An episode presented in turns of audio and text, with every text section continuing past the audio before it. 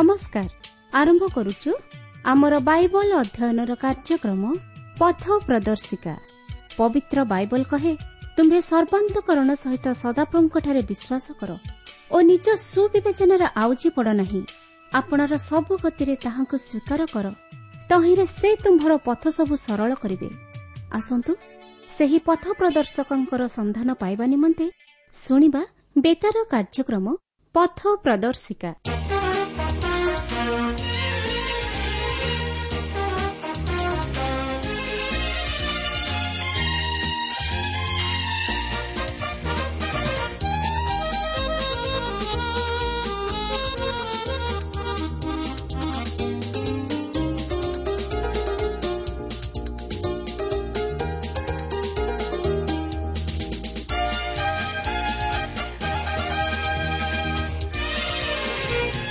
জয় যে পাই শ্রেষ্ঠতে জয় হি পাইবা শ্রেষ্ঠ যে, জয় যে পাই শ্রেষ্ঠতে জয় হি পাইবা শ্রেষ্ঠ যে। ত্যাগ করিছ আদ্য প্রেম, জান তুমি পাপি মন ফেরা।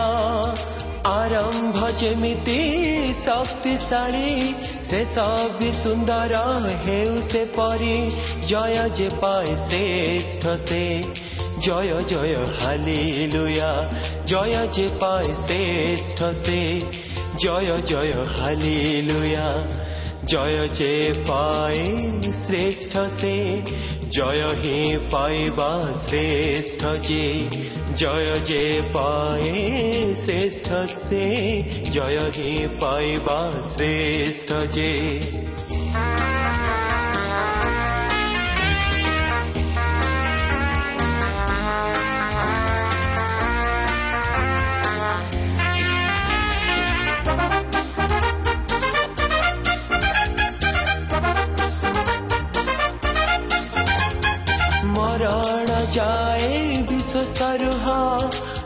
पराजयीङ्कु प्रेम कर बिलियां पारी न कर सोक न डारि लाढी ते करखा जय जे पाय श्रेष्ठ से জয় জয় হালিলুয়া জয় যে পায় শ্রেষ্ঠতে জয় জয় হালিলুয়া জয় যে পায় শ্রেষ্ঠতে জয় হি পাইবা শ্রেষ্ঠ যে জয় যে পায় শ্রেষ্ঠ সে জয় হি পাইবা ଶ୍ରେଷ୍ଠ ଯେ ପ୍ରିୟ ଶ୍ରୋତା ବନ୍ଧୁ ଆଜିର ଏହି ଶୁଭ ଅବସରରେ ଆମମାନଙ୍କର ସୃଷ୍ଟିକର୍ତ୍ତା ତଥା ଉଦ୍ଧାରକର୍ତ୍ତା ପ୍ରଭୁ ଯୀଶୁଖ୍ରୀଷ୍ଟଙ୍କ ବହୁମୂଲ୍ୟ ନାମରେ ଶୁଭେଚ୍ଛା ଜଣାଏ ଆଜିର ଏହି ପଥ ପ୍ରଦର୍ଶିକା କାର୍ଯ୍ୟକ୍ରମକୁ ଆପଣଙ୍କୁ ସ୍ୱାଗତ ଜଣାଏ ଆପଣଙ୍କର ସହଯୋଗ ତଥା ମତାମତ ନିମନ୍ତେ ବିଶେଷ ଧନ୍ୟବାଦ ଆପଣ ଏହି କାର୍ଯ୍ୟକ୍ରମର ଜଣେ ନିୟମିତ ଶ୍ରୋତା ଜାଣିବା ବିଶେଷ ଖୁସି ପ୍ରଭୁଙ୍କ ନାମକୁ ଧନ୍ୟବାଦ ଦେଉ କେବଳ ସେତିକି ନୁହେଁ ଆପଣଙ୍କର ହୃଦୟସ୍ପର୍ଶୀ ସାକ୍ଷ୍ୟ ନିମନ୍ତେ ମଧ୍ୟ ବିଶେଷ ଧନ୍ୟବାଦ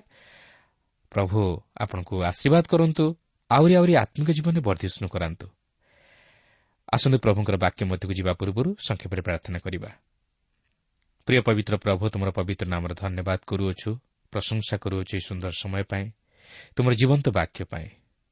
ପବିତ୍ର ପ୍ରଭୁ ଜଗତର ବ୍ୟସ୍ତତା ମଧ୍ୟରୁ ତୁମେ ଆମମାନଙ୍କୁ କଢ଼ାଇ ଆଣିଛ। କିଛି ସମୟ ଧରି ତୁମର ବାକ୍ୟ ଅଧ୍ୟୟନ ତଥା ଶ୍ରବଣ କରିବା ପାଇଁ।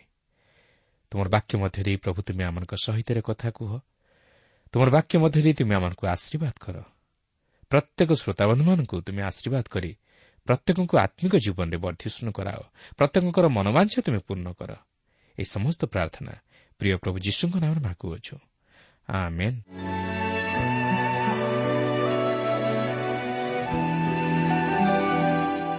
ଆସନ୍ତୁ ବର୍ତ୍ତମାନ ଆମେ ପ୍ରଭୁଙ୍କର ବାକ୍ୟ ମଧ୍ୟକୁ ଯିବା। ଆଜି ଆମେ ପ୍ରଥମ ରାଜାବଳୀ ପୁସ୍ତକ ପନ୍ଦର ପର୍ବର ପ୍ରଥମ ପଦରୁ ଆରମ୍ଭ କରି ଷୋହଳ ପର୍ବର ଅଠେଇଶ ପଦ ପର୍ଯ୍ୟନ୍ତ ଅଧ୍ୟୟନ କରିବା ନିମନ୍ତେ ଯିବା।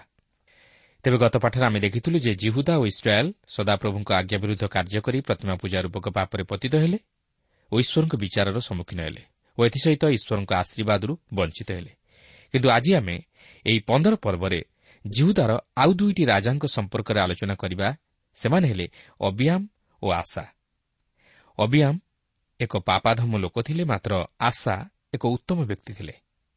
ସେହିପରି ଇସ୍ରାଏଲ୍ର ମଧ୍ୟ ଦୁଇ ଜଣ ରାଜାଙ୍କ ବିଷୟ ନେଇ ଲକ୍ଷ୍ୟ କରିବାକୁ ପାରିବା ସେମାନେ ହେଲେ ଜାରବିଆମ୍ଙ୍କ ପୁତ୍ର ନାଦବ ଯିଏକି ନିଜର ପିତାଙ୍କର ପାପପୂର୍ଣ୍ଣ ଜୀବନକୁ ଅନୁକରଣ କଲେ ଏବଂ ଅନ୍ୟ ଜଣକ ହେଉଛନ୍ତି ବାସା ଯିଏକି ସେହି ନାଦବଙ୍କୁ ହତ୍ୟା କରି ତାହାଙ୍କ ପଦରେ ରାଜତ୍ୱ କଲେ। ମୁଁ ଆଗରୁ ଯେପରି ଆପଣଙ୍କୁ କହିଥିଲି ସେହିପରି ଆମେ ଏହି ଉଭୟ ରାଜ୍ୟ ଓ ତହିଁର ଇତିହାସ ଆଗପଛ ହୋଇ ବର୍ଣ୍ଣିତ ହୋଇଥିବାର ଲକ୍ଷ୍ୟ କରିବାକୁ ପାରିବା। ଓ ସେହିପରି ଆମେ ଏହାକୁ ଅଧ୍ୟୟନ କରି ଆଲୋଚନା କରିବା ଓ ତହିଁରୁ ଆମମାନଙ୍କର ଆତ୍ମିକ ଜୀବନର ଅଭିବୃଦ୍ଧି ନିମନ୍ତେ କିଛି ଶିକ୍ଷା ଗ୍ରହଣ କରିବାକୁ ଯିବା। ତେବେ ଦେଖନ୍ତୁ ପନ୍ଦର ପର୍ବର ପ୍ରଥମ ଦୁଇ ପଦରେ ଏହିପରି ଲେଖା ଅଛି ନବାଟର ପୁତ୍ର ଜାରବ୍ୟାମ୍ ରାଜାଙ୍କର ଅଧିକାରର ଅଠର ବର୍ଷରେ ଅବିୟାମ୍ ଜିହୁଦା ଉପରେ ରାଜ୍ୟ କରିବାକୁ ଲାଗିଲେ। ସେ ଜିରୁସାଲମରେ ତିନି ବର୍ଷ ରାଜ୍ୟ କଲେ ଓ ତାଙ୍କର ମାତାର ନାମ ମାଖା। ସେ ଅବସାଲମର କନ୍ୟା ଥିଲା। ଦେଖନ୍ତୁ ଏଠାରେ ଆମେ ଦେଖୁଛୁ ଯେ ରିଓବିଆମ୍ଙ୍କ ମୃତ୍ୟୁ ପରେ ତାହାଙ୍କ ପୁତ୍ର ଅବିୟାମ୍ ତାହାଙ୍କ ପଦରେ ରାଜତ୍ୱ କଲେ। ଯେଉଁ ସମୟରେ କି ଜାରବ୍ୟାମ୍ ଇସ୍ରାଏଲ୍ ଉପରେ ରାଜତ୍ୱ କରୁଥିଲେ। ମାତ୍ର ଏଠାରେ ଏକ କୌତୁହଳର ବିଷୟ ଆପଣ ଲକ୍ଷ୍ୟ କରିବେ ଯେ ଯେଉଁ ରାଜାମାନଙ୍କ ବିଷୟ ନେଇ ପ୍ରକାଶ କରାଯାଇଅଛି ସେମାନଙ୍କର ମାତାମାନଙ୍କର ନାମ ମଧ୍ୟ ଉଲ୍ଲେଖ ହୋଇଅଛି। କିନ୍ତୁ ପିତାଙ୍କର ନାମ ପ୍ରାୟ ଉଲ୍ଲେଖ ହୋଇନାହିଁ। ତେବେ ଏପରି ହେବାର କାରଣ କ'ଣ? ଯେହେତୁ ମା'ମାନେ ନିଜ ନିଜର ସନ୍ତାନ ସନ୍ତତିମାନଙ୍କର ଉନ୍ନତି ତଥା ଅବନତି ଭଲ ଓ ମନ୍ଦ ନିମନ୍ତେ ମୁଖ୍ୟତଃ ଦାୟୀ। କାରଣ ପିଲାମାନଙ୍କର ଶୃଙ୍ଖଳିତ ଓ ଉନ୍ନତିର ଜୀବନ ମା'ମାନଙ୍କ ଉପରେ ନିର୍ଭର କରେ। ଏପରିକି ସନ୍ତାନମାନଙ୍କୁ ଶୃଙ୍ଖଳିତ କରି ଗଢ଼ି ତୋଳିବାରେ ପିତାମାନଙ୍କଠାରୁ ମାତାମାନଙ୍କର ଦାୟିତ୍ୱ ଅଧିକ। ତେଣୁକରି ଏଠାରେ ଉତ୍ତମ ବା ଦୁଷ୍ଟ ରାଜାଙ୍କ ବିଷୟ ନେଇ ଉଲ୍ଲେଖ କରିବା ମଧ୍ୟରେ ସେମାନଙ୍କର ମାତାମାନଙ୍କର ନାମ ମଧ୍ୟ ଉଲ୍ଲେଖ ହୋଇଅଛି ଯେହେତୁ ସନ୍ତାନମାନଙ୍କର ଉନ୍ନତି ତଥା ଅବନତି ନିମନ୍ତେ ମା'ମାନଙ୍କର ଭୂମିକା ଅତ୍ୟନ୍ତ ଗୁରୁତ୍ୱପୂର୍ଣ୍ଣ ବର୍ତ୍ତମାନ ଆମମାନେ ଏପରି ଏକ ସମୟରେ ଆସି ପହଞ୍ଚିଅଛୁ ଯେଉଁ ସମୟରେ କି ଯୁବା ଯୁବତୀମାନେ ଅତି ଉଚ୍ଛୃଙ୍ଖଳିତ ସେମାନଙ୍କ ବିରୁଦ୍ଧରେ ଲୋକମାନେ ନାନା ପ୍ରକାର ସମାଲୋଚନା ତଥା ଅଭିଯୋଗ ମଧ୍ୟ ବାଢ଼ନ୍ତି କିନ୍ତୁ ଏପରି କାହିଁକି ହୁଏ ଏହା ଉପଯୁକ୍ତ ଶିକ୍ଷା ଓ ଶାସନର ଅଭାବ ହେତୁ। ଗୃହ ତଥା ପରିବାର ମଧ୍ୟରେ ପିତାମାତାମାନେ ନିଜ ନିଜର ପିଲାମାନଙ୍କୁ ଉପଯୁକ୍ତ ଶିକ୍ଷା ଉପଦେଶ ତଥା ପରାମର୍ଶ ଦିଅନ୍ତି ନାହିଁ କି ସେମାନଙ୍କର କାର୍ଯ୍ୟକଳାପ ପ୍ରତି ଦୃଷ୍ଟି ଦିଅନ୍ତି ନାହିଁ କିଏ ବା ସେମାନଙ୍କୁ ଶାସନ କରନ୍ତି ନାହିଁ। କିମ୍ବା ସେମାନଙ୍କ ନିକଟରେ ନିଜର ଆଦର୍ଶତାକୁ ରକ୍ଷା କରନ୍ତି ନାହିଁ। ଫଳତଃ ସନ୍ତାନମାନେ ବିପଥରେ ଗମନ କରନ୍ତି ଓ ନିଜର ଜୀବନ ପ୍ରତି ଅମଙ୍ଗଳ ତଥା ବିନାଶ ଆଣିଥାନ୍ତି। ତେଣୁକରି ମା'ମାନେ ନିଜର ସନ୍ତାନମାନଙ୍କ ପ୍ରତି ବିଶେଷ ଦୃଷ୍ଟି ଦେବା ଆବଶ୍ୟକ। କାରଣ ସେମାନେ ପୁରୁଷମାନଙ୍କ ଅପେକ୍ଷା ଅଧିକ ସମୟ ଗୃହରେ ରହିଥାନ୍ତି। ତେବେ ଏହି ମା'ମାନଙ୍କ ଉପରେ ଏଠାରେ ମୁଁ ବିଶେଷ ଗୁରୁତ୍ୱ ଦେବାର କାରଣ ହେଉଛି ଯେ ବର୍ତ୍ତମାନ ଏହିଠାରୁ ଆମେ ଥରକୁ ଥର ମା'ମାନଙ୍କ ନାମ ଉଲ୍ଲେଖ ହୋଇଥିବାର ଲକ୍ଷ୍ୟ କରିବାକୁ ପାରିବା। ପ୍ରତ୍ୟେକ ରାଜାମାନଙ୍କ ବିଷୟ ନେଇ ପ୍ରକାଶ କରାଯିବା ସହିତ ସେମାନଙ୍କର ମା'ମାନଙ୍କର ନାମ ମଧ୍ୟ ପ୍ରକାଶ କରାଯାଇଅଛି। ପ୍ରତ୍ୟେକ ଦୁଷ୍ଟ ରାଜାମାନଙ୍କର ମା'ମାନଙ୍କ ନାମ ମଧ୍ୟ ଉଲ୍ଲେଖ ହୋଇଅଛି ଓ ପ୍ରତ୍ୟେକ ଉତ୍ତମ ରାଜାମାନଙ୍କର ମା'ମାନଙ୍କ ନାମ ମଧ୍ୟ ଉଲ୍ଲେଖ ହୋଇଅଛି। କାରଣ ସନ୍ତାନମାନଙ୍କର ଉନ୍ନତି ବା ଅବନତି ପଛରେ ମା'ମାନଙ୍କର ଭୂମିକା ଅତ୍ୟନ୍ତ ଗୁରୁତ୍ୱପୂର୍ଣ୍ଣ। ଏହାପରେ ପନ୍ଦର ପର୍ବର ତିନି ପଦରେ ଏହିପରି ଲେଖା ଅଛି ତାଙ୍କ ପୂର୍ବରେ ତାଙ୍କର ପିତା ଯେସବୁ ପାପ ପଥରେ ଚାଲିଥିଲେ ସେ ସେହିପରି ଚାଲିଲେ। ଆଉ ତାଙ୍କର ପୂର୍ବପୁରୁଷ ଦାଉଦଙ୍କର ଅନ୍ତଃକରଣ ଯେପରି ଥିଲା ତାଙ୍କର ଅନ୍ତଃକରଣ ସଦାପ୍ରଭୁ ଆପଣା ପରମେଶ୍ୱରଙ୍କ ପ୍ରତି ସେପରି ସିଦ୍ଧ ନ ଥିଲା। ଏଠାରେ ଆପଣ ଲକ୍ଷ୍ୟ କରନ୍ତୁ ଜିହୁଦାର ରାଜା ରିହବ୍ୟାମ୍ଙ୍କ ପୁତ୍ର ଅବିୟାମ୍ ମଧ୍ୟ ଆପଣା ପିତାଙ୍କର କାର୍ଯ୍ୟକଳାପକୁ ଅନୁକରଣ କରି ପାପ କଲେ। ମାତ୍ର ଦାଉଦଙ୍କର ଆଦର୍ଶକୁ ଅନୁକରଣ କଲେ ନାହିଁ। ସେ ଈଶ୍ୱରଙ୍କର ବିରୁଦ୍ଧଚାରୀ ହେଲେ ଓ ଆପଣ ପିତା ରିହବ୍ୟାମ୍ଙ୍କ ପରି ନିଜେ ପାପ କରିବା ସଙ୍ଗେ ସଙ୍ଗେ ଅନ୍ୟମାନଙ୍କୁ ମଧ୍ୟ ପାପରେ ପ୍ରବର୍ତ୍ତାଇଲେ। ବାସ୍ତବରେ ଅବିୟାମଙ୍କର ପିତାମାତା ଏଥିନିମନ୍ତେ ଦାୟୀ ଥିଲେ। ସେମାନେ ଯେଉଁପରି ଜୀବନଯାପନ କଲେ ତାହା ମଧ୍ୟ ତାହାଙ୍କର ପୁତ୍ରମାନଙ୍କୁ ପ୍ରଭାବିତ କରିଥିଲା।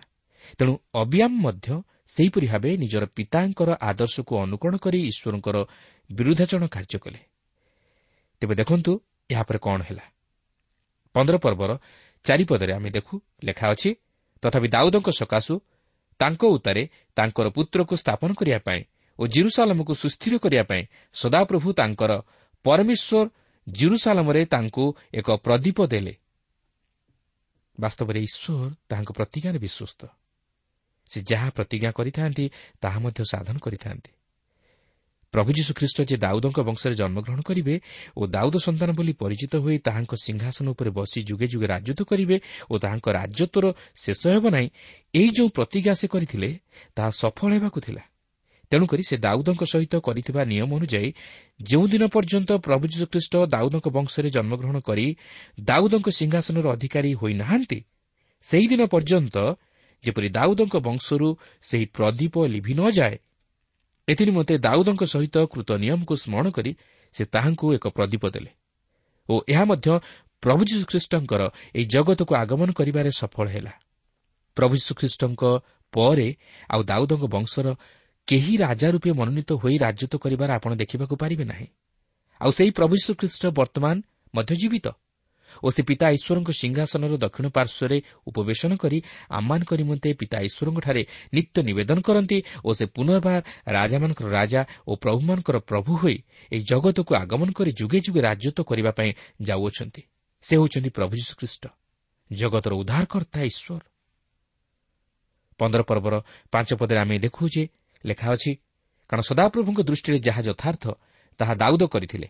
ଓ କେବଳ ହିତୀୟ ଉରିୟର କଥା ଛଡ଼ା ଆଉ କୌଣସି ବିଷୟରେ ସେ ଆପଣାର ଯାବଜୀବନ ତାହାଙ୍କର ଦତ୍ତ ଆଜ୍ଞାରୁ ବିମୁଖ ହୋଇନଥିଲେ ଏଠାରେ ପ୍ରଶ୍ନ ଉଠେ ଈଶ୍ୱର କାହିଁକି ଦାଉଦଙ୍କୁ ଏକ ଆଦର୍ଶ ନମୁନା ରୂପେ ବ୍ୟବହାର କରିଥିଲେ? କ'ଣ ତାହାଙ୍କର ପାପ ଲାଗି ତାହାଙ୍କୁ ଆଦର୍ଶର ମାପକାଠି ସ୍ୱରୂପେ ବ୍ୟବହାର କରିଥିଲେ? ନୁହେଁ। ତାହେଲେ ସେ କ'ଣ ଦାଉଦଙ୍କର ସେହି ପାପକୁ ପାପ ବୋଲି ଗଣନା କରିନଥିଲେ ତାହା ମଧ୍ୟ ନୁହେଁ। କାରଣ ଈଶ୍ୱର କେବେ ହେଲେ ପାପକୁ ପ୍ରଶ୍ରୟ ଦିଅନ୍ତି ନାହିଁ। ସେ ପାପିକୁ ଯଦିଓ ପ୍ରେମ କରନ୍ତି ମାତ୍ର ପାପକୁ ଘୃଣା କରନ୍ତି। ଏହି ପାଞ୍ଚ ପଦରେ ଦାଉଦଙ୍କର କେବଳ ଗୋଟିଏ ପାପ ବ୍ୟତୀତ ଆଉ ଅନ୍ୟ କୌଣସି କ୍ଷେତ୍ରରେ ତାହାଙ୍କର ଦୁର୍ବଳତା ପରିଲକ୍ଷିତ ହୁଏ ନାହିଁ।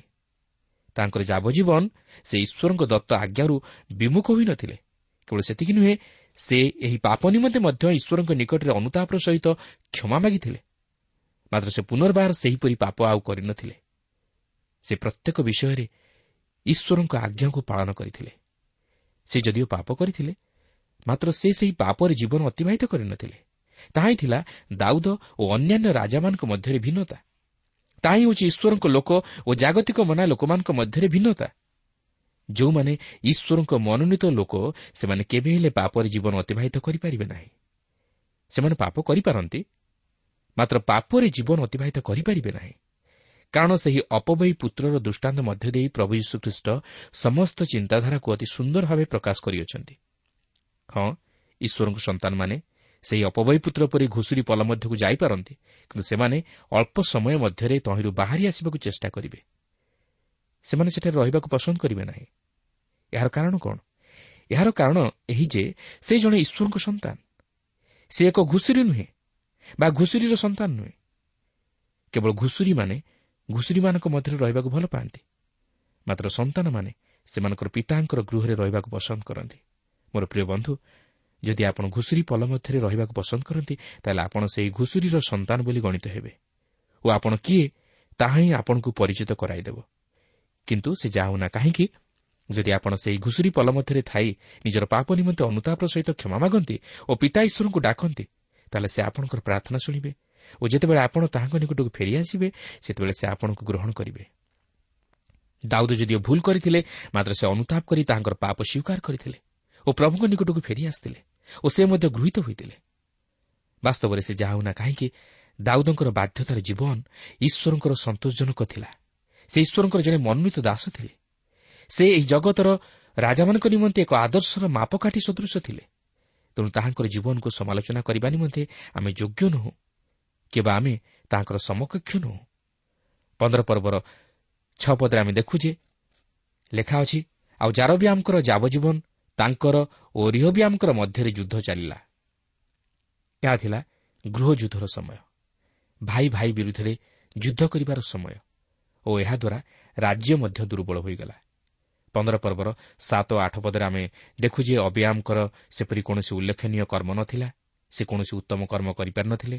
ମାତ୍ର ଯେତିକି ମନ୍ଦକର୍ମ ତାହା ହିଁ କରିଥିଲେ। ସେ ମଲେ ଓ ତାହାଙ୍କର ପିତୃଲୋକଙ୍କ ସହିତ ସମାଧିପ୍ରାପ୍ତ ହେଲେ। କିନ୍ତୁ ତାହାଙ୍କ ପଦରେ ତାହାଙ୍କର ପୁତ୍ର ଆଶା ରାଜତ୍ୱ କରିବାକୁ ଆରମ୍ଭ କଲେ ଓ ପ୍ରଥମ ଥର ପାଇଁ ଆମେ ଜୁଦା ମଧ୍ୟରେ ଏକ ଉତ୍ତମ ରାଜାଙ୍କର ଉତ୍ଥାନକୁ ଲକ୍ଷ୍ୟ କରୁଅଛୁ। ଆଉ ସେ ହେଉଛନ୍ତି ଆଶା। ଏହାପରେ ଆମେ ନଅ ପଦରୁ ଏଗାର ପଦ ମଧ୍ୟରେ ଏକ ଅଦ୍ଭୁତ ପରିବର୍ତ୍ତନ ଲକ୍ଷ୍ୟ କରୁଅଛୁ। ଏଠାରେ ଆମେ ଦେଖୁ ଯେ ଆଶା ଯିଏକି ଜିହୁଦା ଉପରେ ରାଜତ୍ୱ କଲେ ଓ ସେ ଆପଣା ପୂର୍ବପୁରୁଷ ଦାଉଦଙ୍କର ନ୍ୟାୟ ସଦାପ୍ରଭୁଙ୍କ ଦୃଷ୍ଟିରେ ଯାହା ଯଥାର୍ଥ ତାହା କଲେ। ସେ ଈଶ୍ୱରଙ୍କର ବାଧ୍ୟ ହୋଇଥିଲେ। ତେଣୁକରି ସେ ଏକଚାଳିଶ ବର୍ଷ ରାଜତ୍ୱ କଲେ। ଅର୍ଥାତ୍ ସେ ଦୀର୍ଘ ସମୟ ଧରି ରାଜତ୍ୱ କରିଥିଲେ। ଯଦି ଦୀର୍ଘ ସମୟ ଧରି ରାଜତ୍ୱ କରିଥିବା ରାଜାମାନଙ୍କୁ ବିଚାରକୁ ଅଣାଯାଏ ତାହେଲେ ଉସିୟ ଓ ମନସିଂଙ୍କୁ ଛାଡ଼ିଦେଲେ ଆଶା ହେଉଛନ୍ତି ତୃତୀୟ ବ୍ୟକ୍ତି। କିନ୍ତୁ ପ୍ରଶ୍ନ ଉଠେ କାହିଁକି? ଏହାର ଉତ୍ତର ଆମେ ପନ୍ଦର ପର୍ବର ବାର ପଦରେ ଲକ୍ଷ୍ୟ କରିବାକୁ ପାରୁ। ଲେଖା ଅଛି ଆଉ ସେ ଦେଶରୁ ସଦମୀମାନଙ୍କୁ ତଡ଼ିଦେଲେ ଓ ଆପଣା ପିତୃଗଣ ନିର୍ମିତ ଦେବତା ସମସ୍ତ ଦୂର କରିଦେଲେ। ସେ ଅନୈତିକତା ଓ ପ୍ରତିମା ପୂଜା ବିରୁଦ୍ଧରେ ଗଲେ ଓ ସେହିସବୁକୁ ନିଜ ରାଜ୍ୟ ମଧ୍ୟରୁ ଦୂର କରିଦେଲେ।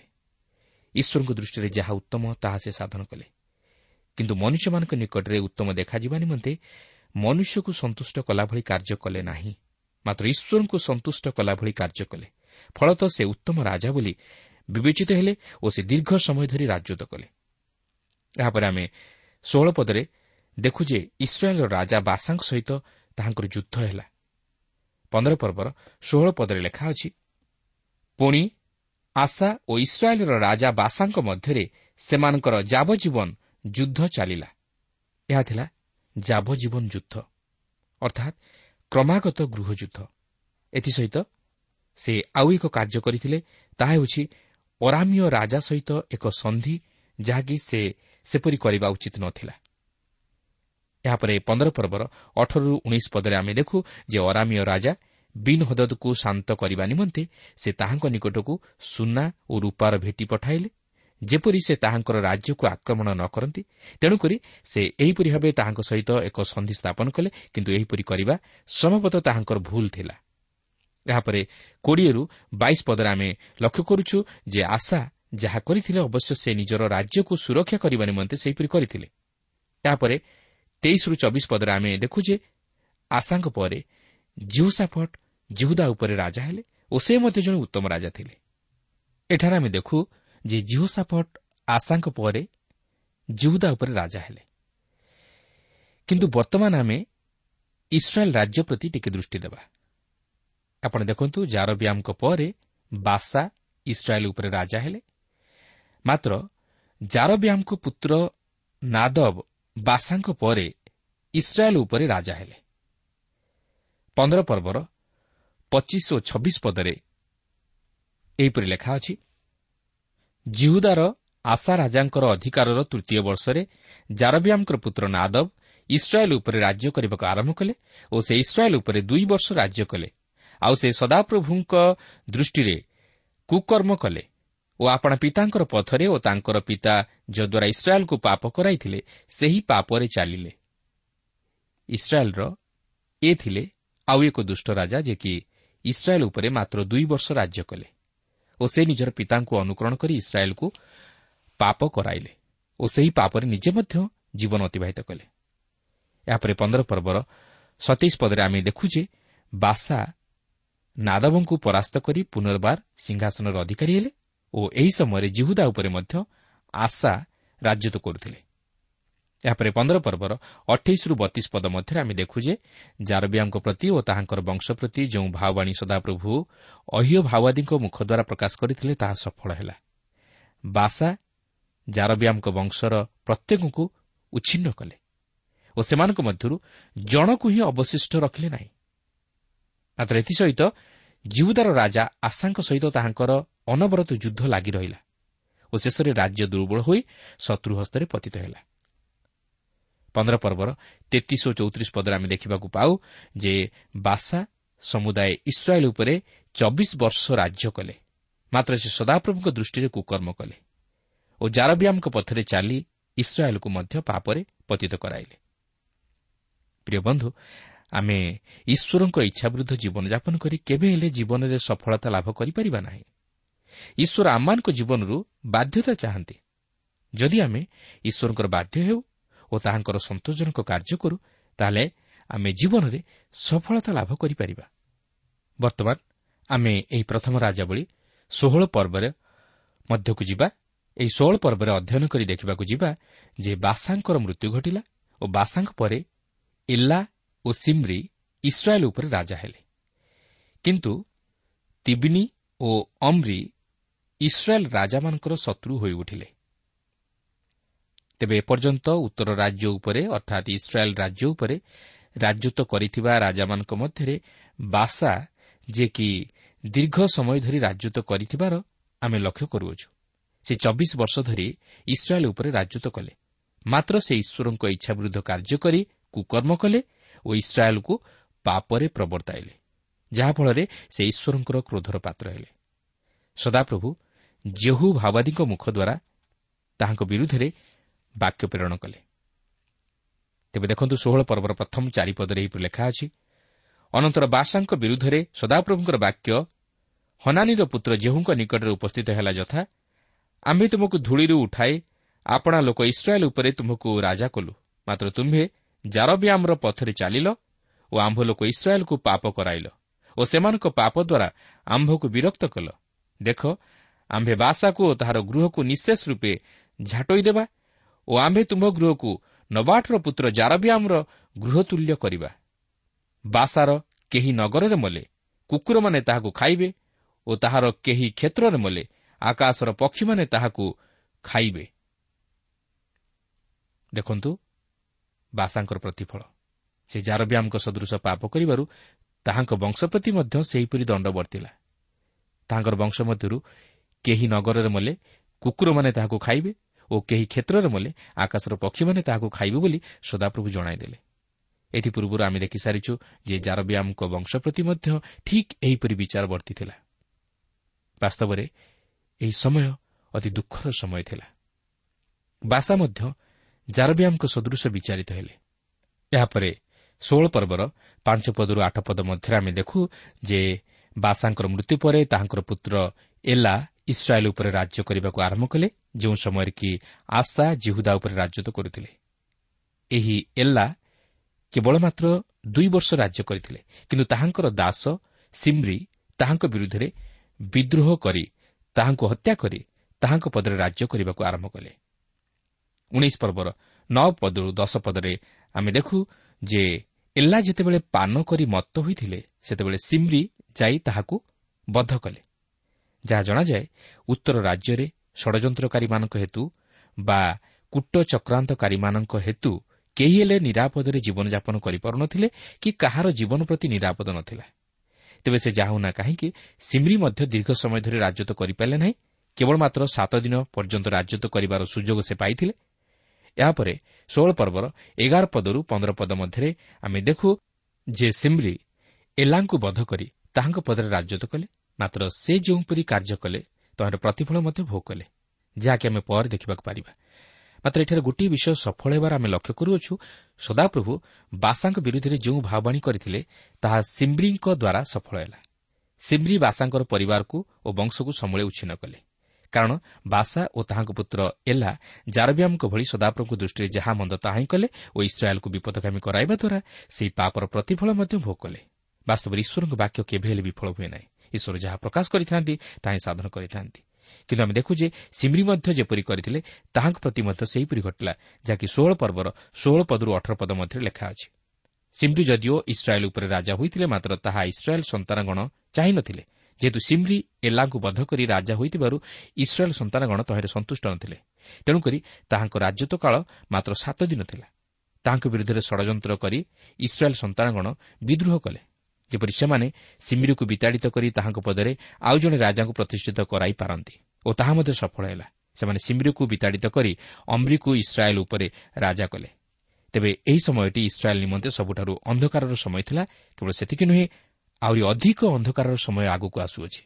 ଇସ୍ରାଏଲ୍ ଶତ୍ରୁର ସମ୍ମୁଖୀନ ହେବା ପାଇଁ ଯାଉଅଛନ୍ତି।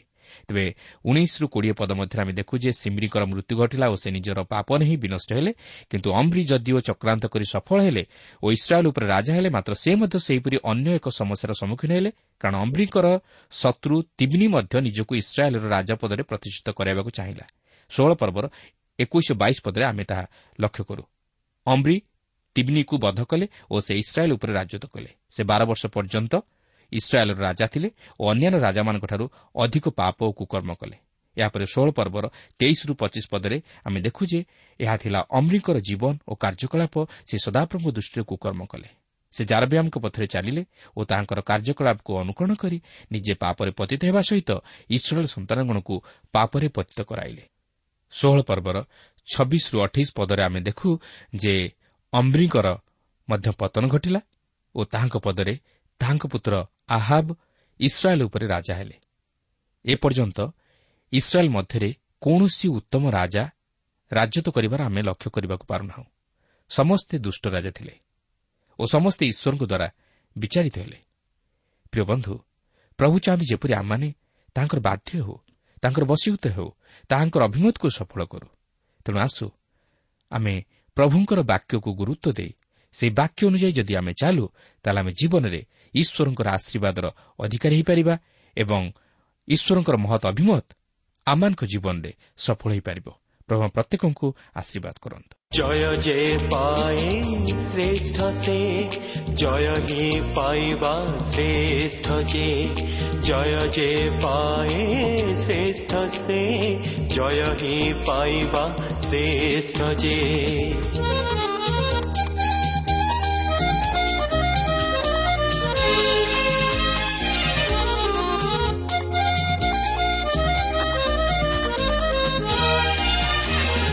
जिजबल परेन सहुअना रोगो सचारे पडना যিশুঙ্কর রক্তে সুচি হুয়া তেবে যাই পাইব মহানন্দ জয় যে পায় শ্রেষ্ঠ সে জয় জয় হালেলুয়া জয় যে পায় শ্রেষ্ঠ সে জয় জয় হালেলুয়া জয় যে পায় শ্রেষ্ঠ সে জয় হি পাইবা শ্রেষ্ঠ যে জয় যে পায় শ্রেষ্ঠ সে জয় হি পাইবা শ্রেষ্ঠ যে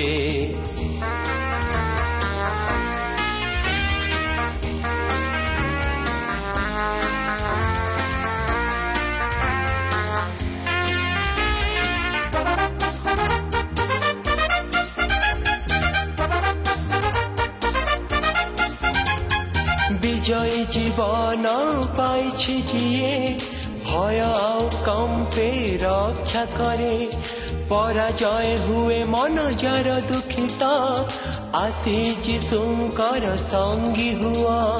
জয় যে পায় শ্রেষ্ঠ সে জয় জয় হালি লুয়া জয় যে পায় প্রিয় শ্রোতা আমার কার্যক্রম নিয়মিত শুণুবু অশেষ ধন্যবাদ আপনার এই কার্যক্রম শুণবা দ্বারা আত্মিক জীবনের উপকৃত হয়ে পে বলে আমার বিশ্বাস প্রভু শিশু বিষয়ে অধিক জাণবার আগ্রহ লে অথবা উপাদেয় পুস্তকর আবশ্যক লে আমসহ যোগাযোগ করতু আমার ঠিকনা পথ প্রদর্শিকা Trans World Radio India post box number তিন তিন ভুবনেশ্বর সাত পাঁচ এক শূন্য এক mobile number nine seven double seven double two one four one five ଠିକଣାଟି ଆଉଥରେ ଶୁଣନ୍ତୁ ପଥ ପ୍ରଦର୍ଶିକା Trans World Radio India post box number three three Bhubaneswar seven five one zero zero one mobile number nine seven double seven double two one four one five ଆମର email ଆଡ୍ରେସଟି ଲେଖି ରଖନ୍ତୁ Odia TV at radio eight eight two dot com ତେବେ ଆଜି ପାଇଁ ବିଦାୟ ଦିଅନ୍ତୁ ନମସ୍କାର